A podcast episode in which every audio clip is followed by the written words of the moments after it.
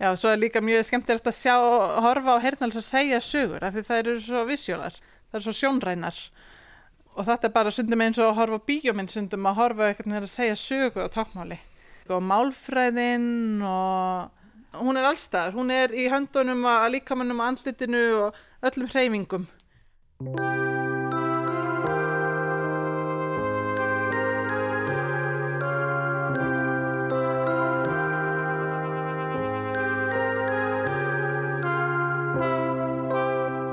Þetta var Heiðdís Dögg Eiríksdóttir við ræðum betur við hana síðar í þætti dagsins. Þú ert að hlusta á glans. Þetta er ótrúleg tilfylling. Heimurinn er fullkomlega þögull, hann er friðsell. Ég heyr ekki umferð, ungbörnum sem gráta, neinum háværum trublandi hljóðum.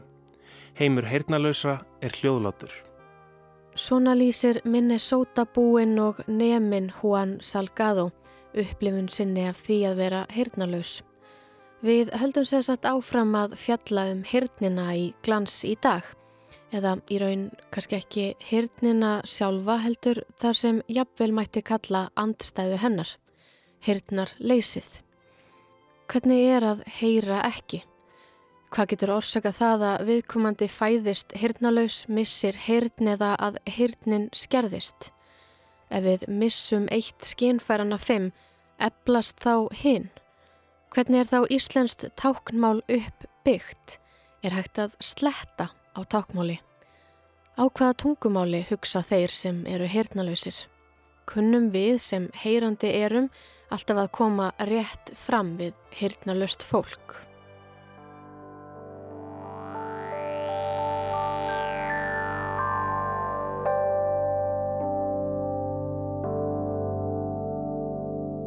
Ég heiti Eva Albrechtsen og ég er læknir, ég er hálsni og eirnalæknir í grunninn og svo hef ég tekið hirtnafræðina sem undir sérgrunn við það.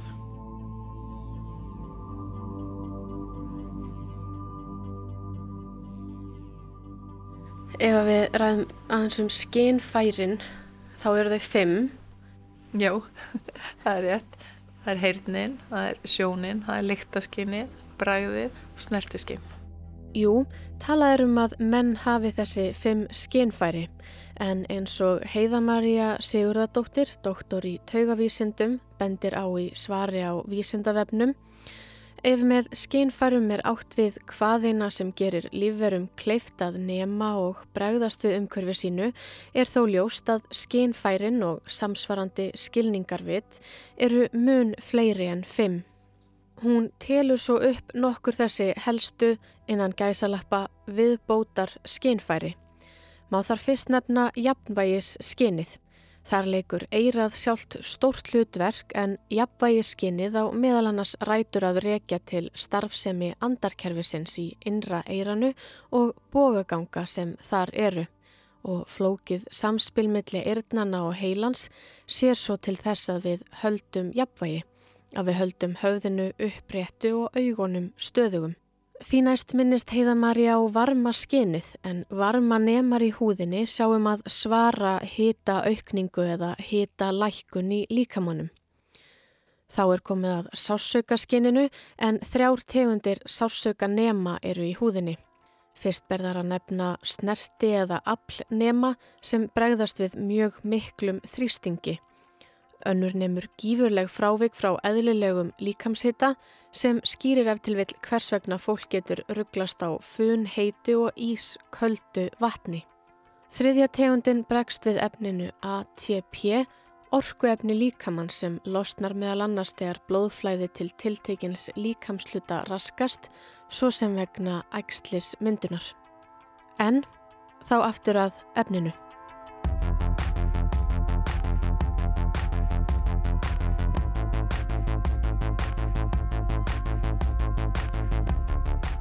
Hvernig er heyrnin í samanburði við, við þessi hinn fjögur?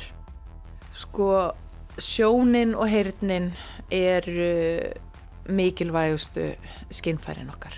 Það eru þau sem að gefa okkur mestar upplýsingar varðandi umhverfið, varðandi samskipti okkar við aðra manneskur. Tal, hvort sem það er rattmál sem að þú heyrir eða tákmál sem þú sérð það er það sem gefur þér öll félagslegu tengslin. Allt frá því að þú tengist mömmuðinni og bara öll önnu félagslegu tengsli gegnum æfina ef þú ert ekki með sjón, ef þú ert ekki með heyrn þá ertu svolítið einangraður. Maður getur tjáð sig í gegnum snertiskín en það er mun takmarkaðara en hinn tjáningaformin Ef að maður missir eitt uh, skinnfæri verða hinn skarpari eða betri? Já, þau verða það að mörgu leiti. Til dæmis börn sem eru fætt heyrnalaus. Allir sem hafa unni með börnum, heyrnalausum börnum, til dæmis áður fyrr þegar við höfðum ekki þessa skimun og maður uppgötta ekki fyrir miklu setna að börnum væri heyrnalaus. Það voru oft talað um það að það væri eins og þessi börn væri með augu í nakkonum. Að þau upplifa og finna miklu meira fyrir því. Til dæmis segjum sér svo að fóreldri lappar hljóðulátt inn í herbergi sem krakkir að leika sér. Barni er heyrnalaust en samt snýða sig við án þess að fóreldri sé búið að segja nokkuð. Þá finna þau fyrir ykkur sem að heyrandi börn þurfi ekki að finna fyrir. Þau finna fyrir til dæmis það að þrýstingurum breytist inn í herberginu eða lyktin af mömmu er komin, nú hlýtur mamma að vera hérna og þau nota allt annað til að bætu fyrir heyrnina. Þau eru alltaf að fylgjast með, sjá allt á meðan heyrandi börn þurfa ekki að vera að leita með augunum. Og það er talað um það í rannsóknum, eða það hefur bara verið sínt fram á það í rannsóknum, að heyrnalös börn sem að nota sjón hluta heilans mun meira auðvitað en heyrna hluta heilans. Heyrnin er tólkuð hérna inn í heilanum rétt fyrir ofan eirun, sjónin er tólkuð aftan í nakka sjónbúðin sem koma til augnana er tólkað aftan í nakka í heilanum. Og það hefur verið sínt fram á það að heyrna lausir einstaklingar að þeir eru með starri sjónbörg en heyrandi einstaklingar. Og þá fer sjónbörgurinn að tegja sig upp og fram yfir í átt að heyrnabörginu. Að því að hann hefur ekki verið notaður. Bara eins og vöðvi sem hefur ekki verið notaður. Hann rýrna bara. Þannig að heyrnulusir einstaklingar sem fá ekki örfun, það er auðvitað rýrna bara sáluti heilans en sjón börgurinn stækkar.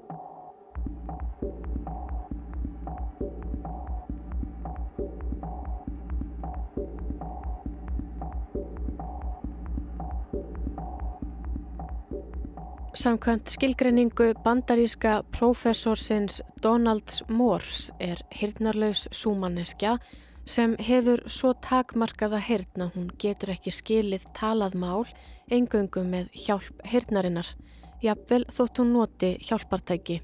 Heyrnar döif kallast súmanneskja sem er það mikið heyrnarskert að það veldur henni erfiðleikum að skilja talað mál en útilokar það þó ekki. Heyrnarskerðing og heyrnarleysi er þetta algengt? E, það er talað um svona líkindafræðilega að það sé svona þrjú til fimm börn per þúsund fætt sem fæðast með einhverja tegunda hirtnarskerningu e, og þá er maður að tala um frá vægri skerningu á öðru eiranu upp í hirtnaleysi og þetta er auðvitað rosalega stórt bil. Hirtnaskerðing er ættgeng í langflestum tilveikum. Ættfræðin getur bæði verið ríkjandi og víkjandi og hún eikst með hækandi aldri það segir sér sjálft. Eftir að Eva lísti fyrir mér flókinni líffræði og virkni eirans í fyrsta þætti þessarar serju glans Hugsa ytra eira sem eitthvað svona trekt. Hennar hlutverk er að beina öllum hljóðbylgjum inn í hlustina. Vildi ég fá að vita hversu viðkvæmt nákvæmlega ef svo má að orði komast þetta kerfi er. Þarf alltaf virkægt má ekkert klikka. Uh, ef að eitthvað klikkað að þá fær maður heyrna skerðingu en maður verður ekkert endilega heyrna laus. Algengasta og nærtakasta dæmið er þetta ef maður er með merk í eironum. Þá komast hljóðbylgjunar inn en það er kannski aðeins stempað. Eða börn sem er með vögva í miðeiranu. En þessir þættir er eitthvað sem er hægt að eiga við. Það er hægt að hreinsa í burtu merkin. Börn sem er með langvarandi vögva fá rör. En það er samt sem áður fæst tilfelli af heyrnaskerðingum í heild sem hægt er að laga. Kuðungurinn sem slíkur er einnóta lífari Það getur ekki endur nýja sig eins og húðin. Þannig að ef það verður ykkur skemmt eða skerðing á virkninni í kuðungnum að þá er það óafturkræft og ekki hægt að lækna það. Eða... Flest börn sem fæðast heyrnalös hér á landi fara í kuðungs ígræslu. Það er aðgerð þar sem kuppi er komið fyrir undir húð við eira og výr þrættur í kuðung. Utanaflikjandi er svo heyrnartæki sem tengist þessum kuppi. Þetta er auðvitað eitthvað sem að, maður þurft að geta sínt. Nei. Svona er kuðungurinn stór. Vá, pínu lítill. Já, hann er nefnilega alveg pínu lítill. Þetta er rafskauti sem fer inn í kuðungin og svo er þetta ytirbúnaðurinn sem tekur við hljóðunum og þessi tengja svo með segli saman. Húðin er hérna á milli, þetta fer inn undir húðina og þetta er utan og þetta er svo móttakarinn. Er kuðungurinn svona lítill í öllum eirum? Já, hann er það. Kuðungurinn er, og man ekki nákvæma tölur, en hann er fullmyndaður þegar fóstur er 22 vegna gammal og þá er hann jafnstór og hann er í þér í dag og farin að virka. Þessi ígræsla veitir barninu heyrn, rafræna heyrn og möguleikan á því að þróa rattmál. Og nákvæmlega þetta sem ég var að tala um að heilin hefur þannan hæfileika þegar börn eru lítil að þroska heilan í ákveðna áttir að þá nýtu við það að þessar taugabrautir eru til staðar þó að köfungur í myrkar ekki en við getum örfa það þannig að einmitt börkurinn séu örfaður og notaður mm -hmm. en þrátt fyrir að þessi börn fá köfunsíkræslu að þá er þau oft mjög sjónræn og mjög sjónrænt þengjandi ef ég get orðaða þannig að því þau eru fætt heyrnalös og hafa einmitt frá fyrstu stundu nýtt sjónina sem sitt samskipta form. En, en köðunsíkraslan gerir þeim kleift að einmitt að geta verið hluti af heyrandi samfélagi líka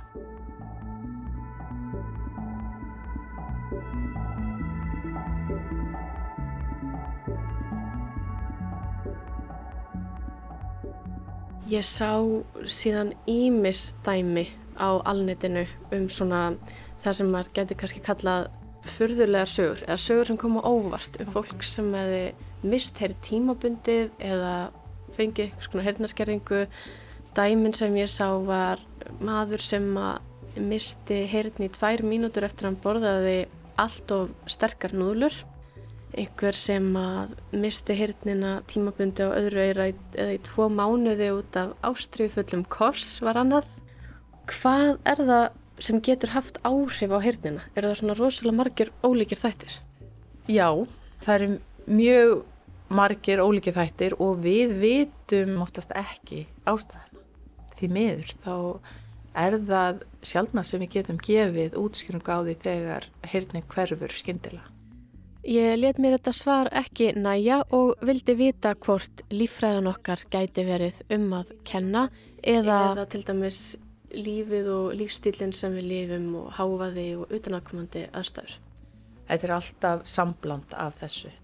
Í grunninn að þá ertu með ákveðin styrkleika í kuðungnum sem að ræðist að því sem þú bara fær frá þínum fóraldur e, og það er ekkert þar sem þú getur haft áhrif á ferða þetta eftir hvað gerist í gegnum heila æfi hversu mikla síkingar fær barnið eða úlingurinn eða fullorna fólki eða hversu miklu háfaði er viðkomandi útsettu fyrir.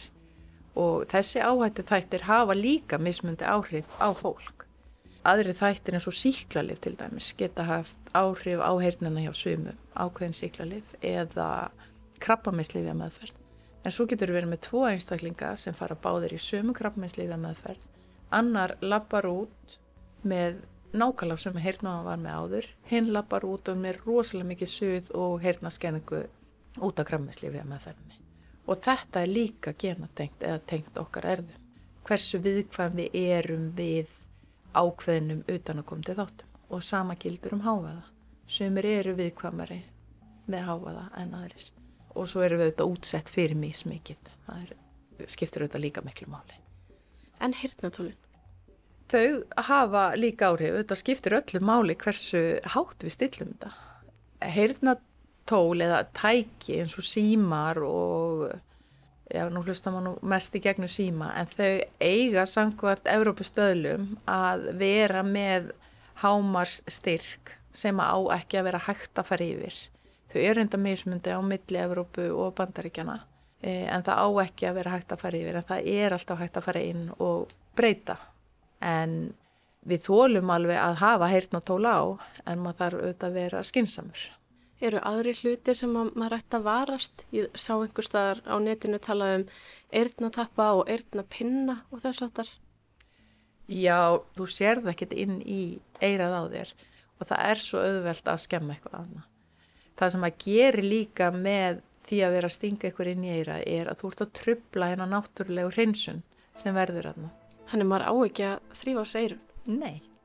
Nú, maður var að endur sko einmislegt maður á helst bara fara í sund eða hérna, þú máttu auðvitað þrýfa íst í eiranu það sem þú sérð en helst ekkert með neinu nefnum bara þottaklút við erum ekkert alls ekki hrifuna eirnapinu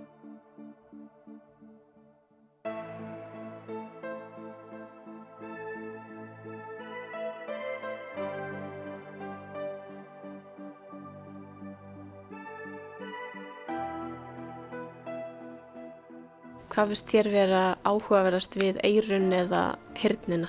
E, góð spurning. Sko, e, það kom mér á óvart hversu áhugaverð hún var. Heyrnin hefur, hefur svolítið verið lítið á, já, já, þetta er bara heyrnaskerðing og heyrnatæki. Svona hversu mikið raun og veru er hægt að gera og það að geta gefið heyrnalösum börnum möguleika til dæmis á bara að vera hluti af heyrandi samfélagi í ljósi það hvernig er búið að vera fyrir heyrnalösa í gegnum tíðina finnst mér alveg stórkostlegt. Og það er alveg ótrúlegt að fylgjast með að fá að fara með fólki í gegnum þetta ferli. Hvort sem það eru börn sem við fylgjumst með bara í gegnum æfina eða fullorðin sem fákuðum síkvæslu að það finnst mér bara ótrúlega gaman að fá að vera hluta að því Erðafræðin í þessu er líka mjög áhugaverð og við munum fá miklu meira svörum í framtíðinni. Það er mjög mikið að gerast í þessum fræðum. Hversu mikið er þegar vitað, myndur þú segja? Ég myndi segja mjög lítið og það er mjög lítið verið leitað að genabreitingum eða stökkbreitingum eh, sem að valda hirnaskenningu. En ástæðan fyrir því að maður hefur ekkert lagt ofur áherslu á það er bæða að þetta er dýrt eða hefur verið dýrt, þetta er að verða ódýrara að, að skoða genin en eins líka það að við vitum að það veitir enga meðferð, það veitir bara skýringu á því ákveru barnið eða fullan og fólki er heyrnaskert en það er engin meðferð fólkin í því að fá þessa skýringar. Meðferðin er enþá svo sama, það eru heyrnatæki, hjálpatæki og köðumsíkrasla.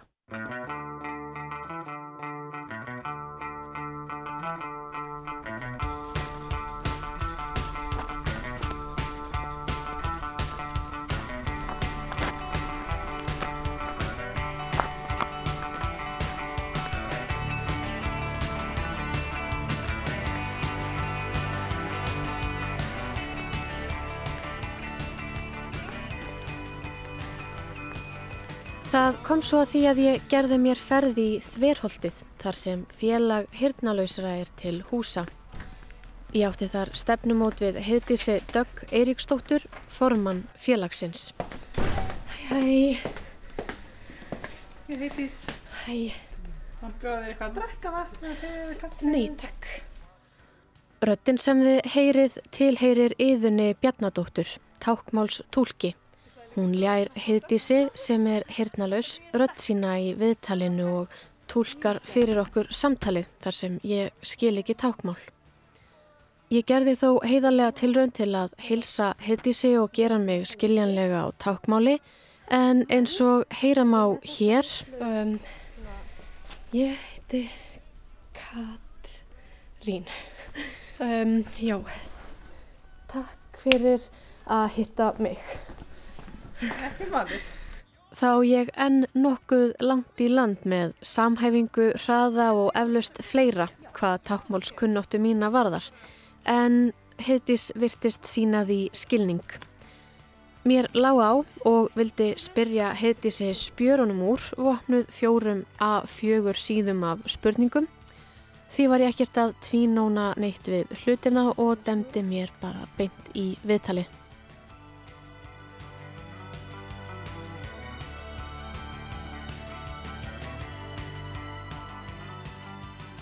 Og fættist þú hérna laus? Sko það er nú ekki alveg staðfest hvernig það var, uh, hvort ég hafi fæðst hernalaus eða af því að hvort ég hafi fengið uh, vírus þegar ég var tveggja mánuða gömul. En ég hef aldrei haft uh, þekkt hirn. Ég las pistil við þig þar sem að kom svolítið fram að samband þitt við hirnaleysið hefði svolítið breyst og þróast í gegnum tíðina Getur það aðeins útskýrt það nánar fyrir mér svona þróunina og, og þess aftar? Hvað þú áttu við? Já, ég líki þessu stundum við, við frekjuskarð eða freknur eða krullur eða hvað sem er. Þetta er eitthvað sem fylgir manni og stundum er maður stríði við þetta. Er ekki sáttur við krullurnar eða, eða svo næstu stund elskað maður krullurnar sínar. Þannig að þetta hefur bara svona fyllt og þróist með þróskanum einhvern veginn. Sem barn þá fann ég raunni ekkert fyrir því að ég væri eitthvað ólík öðrum eða, eða kannski þegar ég var svona 6-7 ára allavega svona í minningunni þá ég, ég held að hafi verið tengslu við skólan að þá byrjaði ég að upplifa þetta já ég er ekki eins og allir hinnir og fullorðinu fólki gaf mér í rauninni þann stimpil. Ég á til dæmis eina sterkar minningu í tónlistatíma í skólanum og það var alltaf svona álegu viðburður að á sumundeginu fyrsta var sungið eitthvað svo leiðis og krakkarnir voru náttúrulega að æfa sig og voru voða spennt fyrir því. Og allir átti að fara heim til tónlistakennarins og æfa ykkvert lag. Og ég lappaði inn og þá var bara alltaf að koma inn og þá var bara hurðinni lokað. Þannig að ég átti greinlega ekki heima í þessum tíma. Þannig að þá skildi ég ekki alveg býtu akkur og mér er ekki hleyft minn þannig að þetta hefur svolítið fyllt mér í gegnum árin. Þetta, þessi minning að fólk tekur mér kannski ekki alltaf eins og ég er. Og svo unlingsárunum og það var frábært tími fyrir mig þá verið komin inn í skóla hernalausra og þá gæti notið þess að vera bara japs á við alla og liði vel í umhverfinu og gæti bara tala mitt mál við alla og reykið mér og verið jöfn öllum mínum. En þegar ég fóð svo út úr þessu umhverfi þá verið svolítið inn í skell fannst mér svolítið uh, fólk svona lítið einhvern veginn á mig. Þegar ég var í heyrenda samfélaginu þá held ég mér svolítið fyrir utan, svona, inn í mér og fannst mér vera svolítið inn í sker og var svolítið að bera mig saman við aðra. Uh, og var svona er ég nógu góð, ég vissi ekki alveg hver ég stæði og var svona aðeins óurug með mig í heyrandi samfélaginu en svo kannski um svona tvítugt fór ég á ráðstöfnu erlendis og alls konar ungliðamótum og hitti fullt af hernalösu fólki erlendis frá og þá bara fatti ég bara, jú þetta er bara ég og var rosalega sátt um mig, bara ég elska þetta líf og það hefur bara fyllt mér til dagsins í dag. Þegar ég var þarna um tvítugt að þá bara heyrði ég líka góðan fyrirlestu frá hernalösu manni sem sagði einmitt að það væri oft búið að kenna hernalösum til dæmis að þið færið til banka að segja afsækið ég er hernalös en akkur þurfum að segja afsækið ég er heyrnalaus akkur þarf ég að láta eitthvað sérstaklega að vita af því? Þannig að það var svona ímislegt í þessu fyrirlestri sem að svona hafði áhrif á mig og snýri svona mínu viðfærði og hvernig ég hugsaði. Það var bara svona eins og ég fatt þetta. Já ég þarf ekki að vera eitthvað óttaslegin að hrætt við samfélagið. Every color and every taste. Every breath it whispers your name. It's like rose on the er heyrnaleysi föllun? Nú er ég að hugsa hvort ég að svara sem ég heitis eða sem formaður félagsins. Í rauninni eru alltaf tvö sjónarhorn sem lítið er. Það er félagsfræðilega sjónarhornið sem segir nei, heyrnaleysi er ekki föllun. Þetta er málminni hluta hópur af fólki sem talar þetta tungumál. Eh, svo er lækningsfræðilega sjónarhortnið sem segir já, það vantar eitthvað, heyrnina vantar. Og svo er það mín skoðun, í rauninni er það bara hver og einn ákverðu það sjálfur. Ef að viðkomandi upplifir að hann sé fallaður, þá er það bara þannig. það er ekki mitt að dæma eða ákveða eða hafa skoðun á eða ykkur annara að ákveða eða dæma en ef ég lít kannski eins og heimum að mér allir heimum að mér eru tákmálstalandi allt sem er á heimilinu uh, sjónartæki, hvað sem það er er aðgengilegt fyrir alla hvaða mál sem þeir tala. Uh, þeir vinir og allir sem koma í heimsókn getum við haft samskipti við og tala tákmál við. Þannig að þá finn ég ekki fyrir neinu að ég sé eitthvað fölluð og hvort sem ég er með börnum með fjölskyldunni eða vinum þá er það aldrei neitt vandamál en ef samfélagið setur mig kannski í þá stöðu að ég upplifi það að ég get ekki gert eitthvað. Það er samfélagsins. Þá er sett upp einhvern hindrun. En það er ekki, hindrun er ekki heyrnalausið hindrun er það að eitthvað í samfélaginu er ekki búið að leysa það að koma aðgengi að fyrir mig. Hvort sem það er tólkun eða eitthvað annað uh, ef við svorum að maður hjólastól kemst ekki inn í þessa byggingu af því að hann er fallaður nei, hann kemst ekki inn í húsið vegna þess að það er ekki rampur inn í húsið eða það er ekki lifta í húsinu. Þannig að það er bara spurning hvernig við horfum á hlutina. Hverjir eru kostir þess að vera hirnalus? Það eru margir kostir. Hvað er að ég að byrja? maður séur vel. Alveg bara sama hvað gerist þá getur maður svo við maður getur talað eins hátt og maður vill tákmál og bókasafni. Maður getur talað saman. Ef maður fer í leikhús og vinnum manns er að fara í vittlega sætaröð og þá getur maður talað hérna án þess að hrópa yfir salin, kondi hingað. Og þegar börnin eru að keppi í ídróttum og það er þeim vantar eitthvað þá getur þau bara hérna gert táknu upp í, til mamma og pappa upp í áhörundasal og bara við hlöpum niður og rættum málunum sko Einmitt, þetta er samskipti yfir þó nokkra fjarlæð. Já, og líka á milli bíla, við getum hist hérna á rauðum ljósum og eða milli hæða, við kafi honni sundlaug og öllum þessum háaða á tónleikum og maður getur verið að tala saman, maður þarf ekki að vera hérna kallandi, ha, hvað segir þau? Er heyrandi fólk einhvern tíman forvitið um þína reynslu og þína upplifun sem heyrnarlaus Já, já, það er oft forvitið, það er bara gaman. Eru einhverjar spurningar algengar en aðrar? Það er nú bara rosalega mísjönd hverju er spurtað. Já, það fer kannski eftir uh, aldrei þessum spyr, hverja spurningarnar eru. Ég til dæmis fengið spurningar, uh, ertu vissum að það heyrir ekki neitt? Ef ég prófa að öskra, heyrir eitthvað? Eða hvort ég geti kert bíl og hvernig ég geri bara ymsa hluti eins og til dæmis ykkur er ykkur frétt að ég ætti hús. Já en þú ert hernalus og ég bara oh, þannig að það er alls konar spurningar. Getur verið hvað sem er sko sem við fáum. Og við hjónin erum bæði hernalus og eigum náttúrulega þrjú börn. Og við erum líka búin að ken, kynast að, alls konar skemmtilega spurningum tengslum við uppeldi og fjölskyldir í Má spyrja hverju sem er? Fyrir mér, mér finnst það allt í lægi. Ég segi bara engin spurning er villispurning, þannig að það er allt í bóði en auðvitað getur verið eitthvað annar sem er eitthvað viðkvæmari eða tekur eitthvað spurningum illa eða ég fyrir komið nóg af eitthvað spurningum. En ég veit, Erlendis er oft svona, típist aldrei spyrja þessu, er eitthvað svona listi en eins og segi, fyrir mér persónulega þá bara er allt opið, fólk er bara lærir ekki öðruvísi með að spyrja hlutunum. Ég sá um eitt dæmi sem þú tókst um kannski svona það sem ég skildist að vera mögulega misgáfuleg spurning sem sagt ymmit í tengslum við uppeldi og ég ætla aftur að bera hana hérna undir þig til dæmis með börn eins og unga börn og þess að sem að geta ekki gert sér skiljanleg þú talar um að fólk hefði spurt hvernig við vöknum við börninu og svo framvegis Já, einmitt. Ég hef sagt þetta áður, ég segi það bara aftur að stundum er ég kaltæðin í svörum.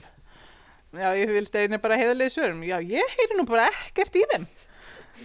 Ég, þau verður bara að býða þá til ég að vakna. En sannleikurinn er náttúrulega að sá að ég er með hjálpartæki sem hjálpa mér að vakna með börningaróta. En ég veit ekki hvort það er vísindarlega að sanna eitthvað, en Ég er nokkuð vissum af því að hernalösa mæður séu meira tengdar í rauninni snertingu og svona ef það er eitthvað að vakna. Það er kannski bara eðlilegt í öll, öllum mæðurum, svona móður tilfinningin, ég veit það ekki. Þegar þú segir tæki, hvernig tæki er það?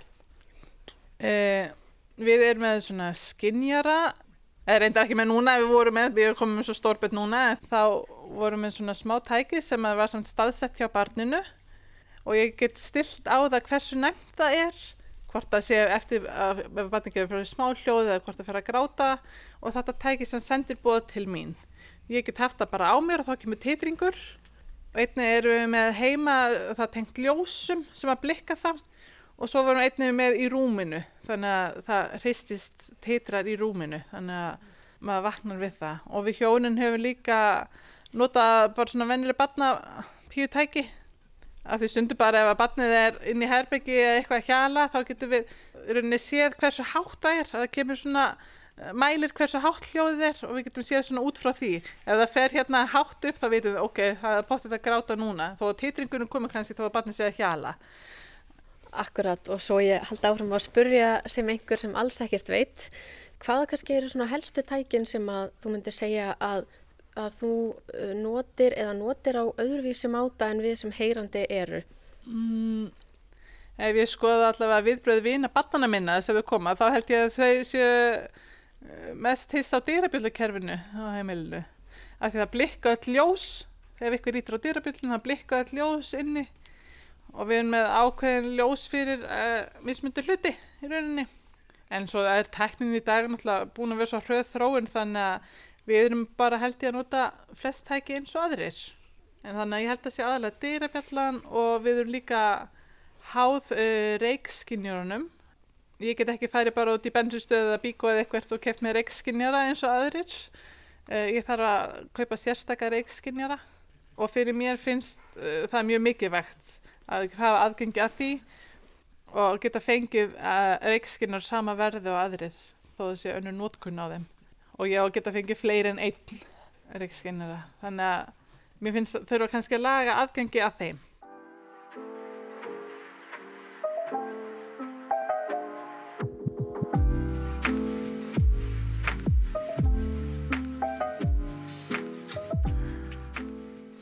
Læriður strax íslenskt táknmál? Varstu strax tvítingt? Ég var fyrst með íslenskuna þar til ég var tíu ára gömul þá fekk ég takmálið, bara sem betur fer. Hvernig áttur þú þá helst í samskiptum við jafnaldræðina? Ég talaði bara að reynda að lesa vörum og þetta var í rauninni bara samskipti maður og mann. En ef ég var inn í hóp þá hins vegar bara dætt ég svolítið út. Það var ekki því sem við var að vera. Og núna í dag, hvernig áttu helst í samskiptum við sagt, heyrandi fjölskyldumæðlimi og vini sem kannski ekki kunna tákmál? Það eru raunin nokkra leiðir. Ég tala sjálf með röttu. Uh, ég lesa vörm ég get það. Það er mjög svolítið mismundi hvernig það er að lesa eftir fólki og ég get alveg gert mig skiljanlega og ofta skilir fólk en það tegur miklu orku að vera með þessa einbendingu að lesa vörum. Þannig að svona samskipti eru oft bara stutt en fyrir starri viðburði til dæmis ef ég er að fara í brúðkaup eða útskriftaveislu eða eitthvað þá tek ég yfirlt alltaf með mig tólk og mér finnst það alveg frábært. Og líka fyrir þá sem tala ekki tákmálið þau vilja tólkin eftir þau þau nota tólkin jafn mikið og ég til að skilja mig. Þannig að oftast vel ég kannski að uppgangast það heyrandi fólk sem kann tákmál Og núna eru við að spjalla saman með aðstóttúlks af því að ég tala ekki íslensk tákmál Er þetta þjónusta sem að þú nýtir þér oft? Já, bara alltaf. Ef ég er að fara ykkvert að tala við ykkvert eða við erum í bankan eða til læknis eða foreldrakvöld eða bekkjarskeptun, bara hvað sem er. Þá hef ég alltaf tólk með mér. Og er þessi þjónusta alltaf aðgengileg? Þartu þá að fá að sækja um þessa þjónustu? Er einhver skilir ert að uppfylla? Ég pæla aldrei í því ef að rauninni í forgóngsröð eða sækja um eða beðni, það er ekkert slikt sem ég hef í huga. Það er bara fast í mér, já ég á bara jafnan rétt og aðrir á því að vera þjóðfélags þegn. og ég bara panta tólk ef ég hef þörf á eða aðri panta tólk uh, ef ég er að fara að mæta á fundi ykkur til þeirra. Og í rauninni þetta fellur alltaf þá á þínar herðar eins og það hefði aldrei verið þannig að ég hefði pantað tólka því að nú vildi ég koma og taka viðtal við þig. Já, þetta er svolítið goða skemmtilega spurning uh, af því að eins og staðin er í dag þá er það félagslega sjóðurinn sem núna greiðir tólkinn og ég pantaði tólkin. En mér langar í rauninni til að sjá til þessi framtíðinni að opna þetta aðeins betur. Af því tólkurinn er ekki hérna í dag bara fyrir mig. Og ég horfi til dæmis til Svíþjóðar, þau eru nýbúin að gefa út skýrslu þar sem að talaður um að skipta þessum tólkanótenda hóp í tvenn þeim hópi sem er hernalaus eða döfblindur eða hernaskertur og þarf að nota tákmál og svo hinn hópurinn sem er heyrandi en er líka háður tákmálstúlkunum í að geta haft samskipti í aðstæðum. Það getur verið heil, heilbriðskerfi, fjölskylduhittingur eða hvað sem er í raun og sviðnir eru að benda á að það er líka þinn réttur að fá tákmálstilk til að geta haft samskipti hér í dag. Hefur þú lendið því við einhver tilefni að það fáist ekki tólkur. Já, já, ég hef upplifað það.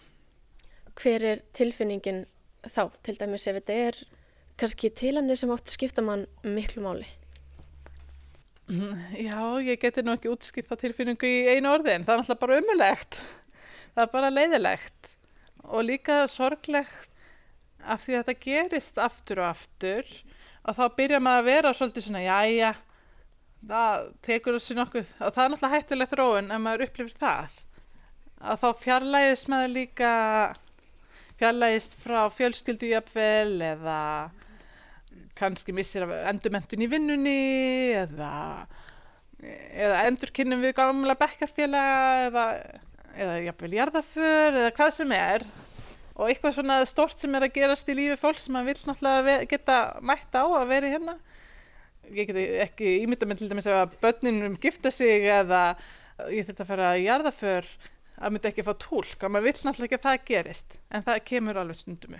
Því eins og segir að þetta er ekki bara kannski náttúrulega þinn réttur heldur líka einmitt barnanaðina að þú fáur að vera á staðnum fyllilega eins og aðrir fóröldar þegar þetta er skólaskemtinu þess aftar. Já, nákvæmlega, nákvæmlega. Og þetta er líka upp á öryggi þeirra.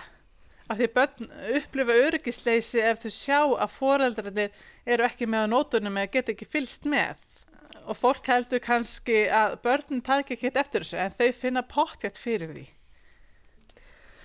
Þarf að vera félagsfær til að nota tólkfinnstir einhver tíman þetta svona félagslega uh, aspekt verið eitthvað sem að skiptir þig máli?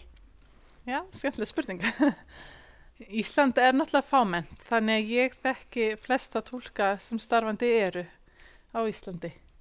Og ég hef náttúrulega þroskast og með reynslunni þá læri maður bara betur ákveðin mörg bæði mín mörg og mörg tólkana til dæmis virði ég það alltaf ef að tólkurinn er með mér á byggstofu til dæmis ykkur staðar þá ber ég rauninni enga skildur til þess að skemta tólkinum skilur við, fyrst þegar ég hérna byrjaði að nota tólk þá við svona, hei, hvað segir þú gott? Uh, hvað gerir þér í sumar? Og var bara að reyna að halda ykkur upp í allan tíman en þá var ég náttúrulega kunn ekkert á þetta var ekki búin að nota tólk í langa tíma. Í dag er ég bara mjög afslöpuð með þetta. Og kannski hef ég engan áhuga á að spella í dag og það er bara mín mörg og það er bara þau eru bara virt en fyrir kannski heyrandi fólk uh, heilbyrðiskerfin eða hvað sem er þá náttúrulega passar aldrei að tala við mig sem þriðju personu. Þú ert að tala við mig, þú horfir á mig og talar beint við mig, þó þessi tólkur. Það er kannski óþægilt fyrir suma, sumir eru svona smá stund að koma sér inn í þetta og þá finnst mér bara gott að segja, já, ég vil langa bara að láta þið vita að það er bara best að tala beint við mig og láttu tólkin ekki tröfla þig. Og þá eru oft heyrinn svona, já, gott, þá tekið bara stjórnina og þá vilt gengur þetta bara vel. Og eru tólkanir mjög mismunandi? Já, já, þeir eru bara mismunandi sem betur fer. Það er gott að hafa fjölbreytni. Hefur einhver tíman áhyggjur af því að það sem að þú meinar eða ert að segja og vilt að komist til skila að það komist ekki á leiðarenda eins og þú ætlaðir eða eins og meintir það? Ég hef ekki áhyggjur en ég hef upplifað það. Já, það er ekki gott að vera áhyggjufullar að hafa áhyggjur af því en, en ef ég vera vissum að mitt efni komi skýrt til skila þá oftast reynir ég að hitta tólkin fyrir fundið eða hvað sem er og undirbúa tólkin. Ég reynir líka að vera sjálf hvað ég er að fara að segja til að það komi skýrt til skila hafi byrjun, miði og endi En auðvitað kemur fyrir að maður fer ykkur að ringa vittlusu og þá er náttúrulega erfitt fyrir tólkin að ná utanum það sem ég er að reyna að setja fram mér. Þannig að samvinna milli mín og tólksins er mjög mikilvæg. Góð vinkonum minn til dæmis sem er hernalaus, hún er oft bara rosalega út um allt, fer fram og tilbaka í sem hún er að segja og, og oft fer hún bara, fer ég að hlæja við tilhugsunna hvernig tólkarnir fara því að tólka, að tólka hana, fyrir hún er bara all over the place.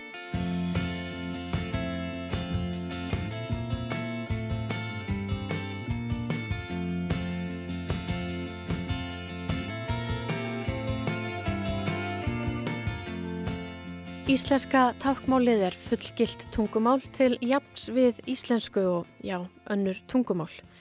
Tákmál er gerðnan móðurmál heyrnalösa og þeirra sem eru mjög heyrnarskertir. Samkvæmt alheims samtökum heyrnalösa tala um 72 miljónir heyrnalösa um allan heim rúmlega 300 tákmál. Máli er því nokkuð mismunandi á millilanda og oft eru líka mismunandi mállískur innan sama lands. Rannveig Sverristóttir, lektor í táknmálsfræði við Háskóla Íslands, segir í svari á vísindavefnum við spurningunni eru tákmál eins upp beigð og önnur mál. Tákmál eru náttúruleg mál sem spretta upp í samfélagum fólks sem ekki heyrir. Grundvallar munurinn á tákmálum og rattmálum er miðlunarhátturinn. Tákmál eru tjáð með höndum og líkama og numinn með sjón á meðan rattmál eru tjáð með röttu og numinn með heyrn. Mörg rattmál hafa svo líka réttmál sem er þá tjáð í skrift og numið í sjón.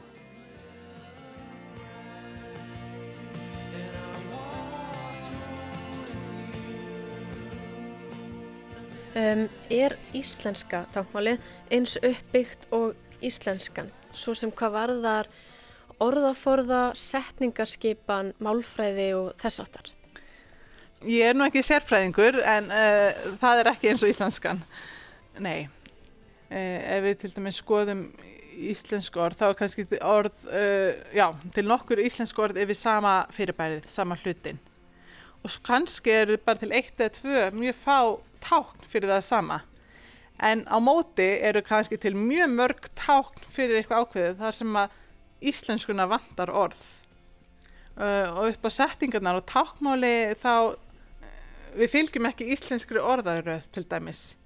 Uh, orðaröðin er önnur í tákmáli, íslensku tákmáli.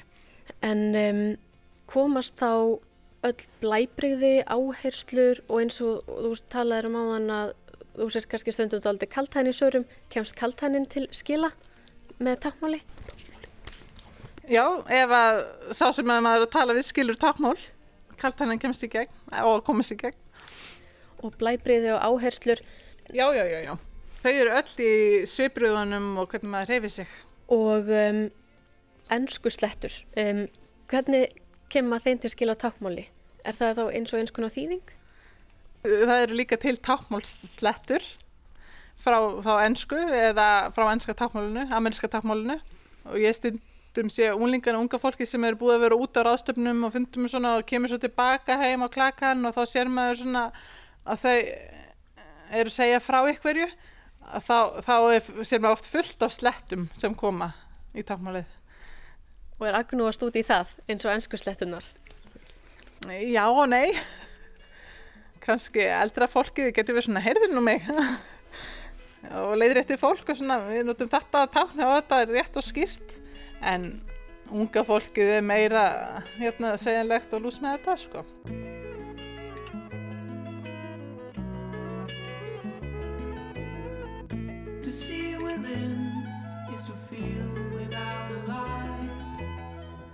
Í áðurnemdu svari sínu á vísendavefnum segir Rannveig að uppbygging tákmála sé grunn atriðum eins og rattmála en miðlunar hátturinn annar.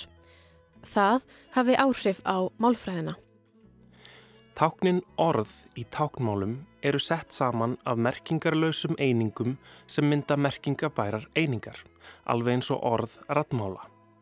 Tákmál hafa því hljóðkerfi en það hugtak er notað þótt ekki séum hljóð að ræða því kerfið sem um er rætt er sambærilegt.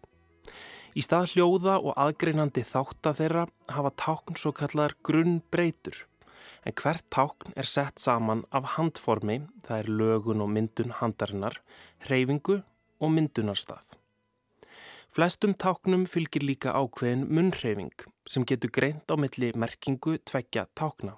Til dæmis eru táknin fyrir sýstir og bróðir eins hvað varðar alla aðra þætti en munnhreyfingar.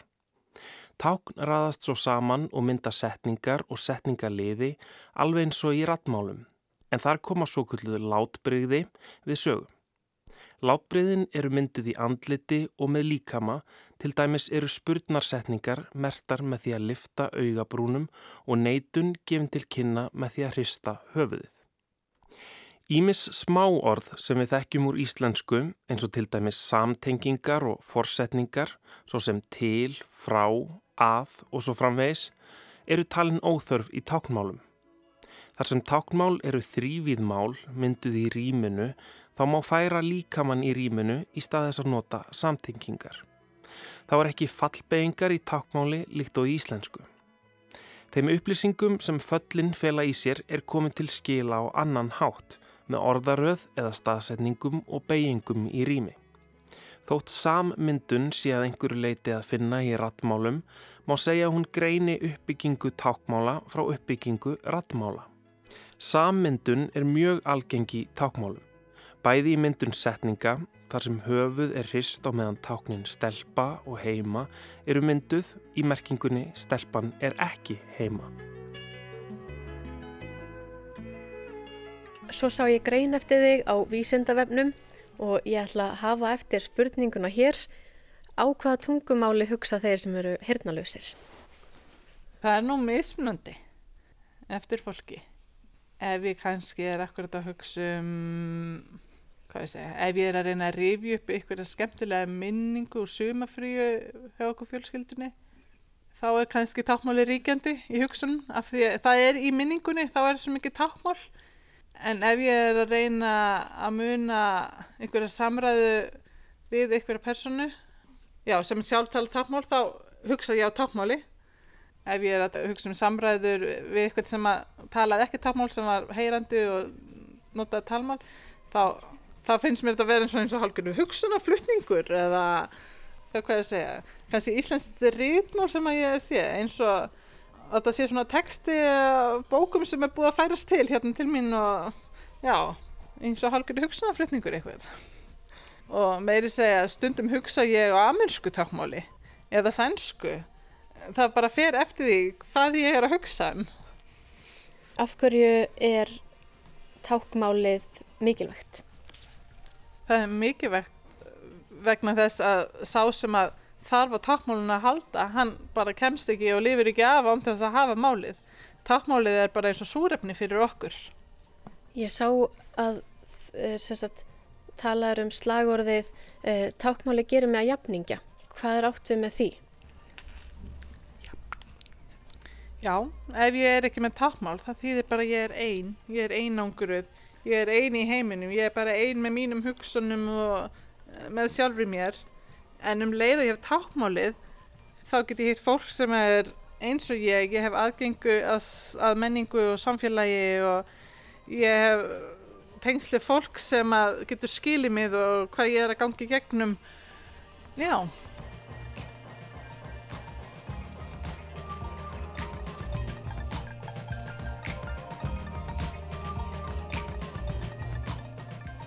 Uh, hún Eva Háls nef og erðnalæknirinn sem ég rætti við hún talaði um það að þegar að uh, eitt skinfæri fer eða þegar að börn til dæmis fæðast hirtnalaus að þá geti önnur skinfæri styrst. Er þetta eitthvað sem að þú kannast við hjá þér? Já, til dæmis sjónsviðið er víðara hjá okkur sem erum hirtnalaus við erum fljótari að taka eftir ykkur sem gerist í aðarsjóninni rauninni. Og þó ég tali núna að sé að tala við ykkur en þá sé ég samt hvað er að gera hérna fyrir aftur mig, ég get tekið eftir því og get fylst með því þó ég sé að tala núna við þig hérna á móti mér í sofunum Ég rifjaði því næst upp annað dæmi frá Evu frá því fyrir þættinum um það að hirnarlaus börn skinni það þegar foreldri gangin í herbyggi þrátt fyrir að foreldri sé ekki búið að láta vita af sér, svo sem vegna þess að þrýstingurinn í herberginu breytist eða það finnur lyktina af foreldrinu. Um, svona skinnjun, er þetta eitthvað sem að þú upplifir og þekkir til? Já, ekki spurning eh, til dæmis spyrta, lykt, eh, þrýstingur, eh, titringur, já, það er margt svona sem ég held að við finnum betur. Ég held líka að stundum að heyrnalaust fólk sé oft með mikið svona umhverfi slæsi og mjögulega og meira heldur en aðrir. Að lesa umhverfi sitt vel og ég til dæmis með kannski skemmtilega sögu þegar við hjónin fórum Erlendis og svo vorum við að koma heim í flugi og þetta var svona erlend flugfélag og við vorum bara að horfa á bíómynd eins og flestir í flugvelina held ég. Og ég flott sá svona út undan mér að, að flugfræðan var eitthvað skrítin á svipin og var eitthvað voða að horfa uh, svona var með skrítni hegðun og eins og var að fylgjast með ykkur þannig ég svona fór að fylgjast með öllu. Og ég held að ég hef verið langt og undan öllum öðrum að vita það að við myndum ekki lenda í Keflavík. Og svo kannski 10-15 mínutum setna þá sá ég að farþegarnir byrjuði og við endum ekki og fóru að hafa uppið en ég var eiginlega búin að koma stæðu lengu af því ég bara gætt lesið það bara á svipriðum og tjáningu hjá henni. Augun voru svona mikið á flakki og eins og væri, þær voru að hafa eitthvað svona skilabóð sín á milli. Þannig ég fyrir svona já, við förum öruglega ekkert að lenda í dag á Keflavík.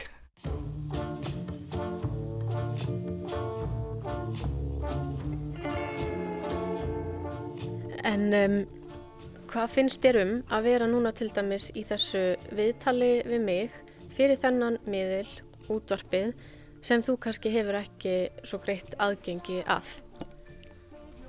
Ég raun þekki ekki, þekki ekki neitt annað. En sem betur þegar hef ég möguleika. Ég hef möguleika á að láta tólka viðtalið eða tólka þáttinn og það er stundum gert ef að einhver hernalis fréttir af einhvern spennandi þætti eða spennandi viðtali útvarpi þá getum við fengið tólk og látið tólka fyrir okkur. Stundum hefur tólkunum verið tekinu og þá getum við hort á hana. Já, ég fór um fyrir kannski tveimur, eh, þreimur vikum síðan í útvarsviðtal sem var mitt fyrsta útvarsviðtal sem ég hef farið í og þau sem tóku viðtali við mig höfðu aldrei haft heyrnari sáður í útvarsviðtali og það var bara skemmtileg upplifin, gaman að prófa og það bara gekk mjög vel.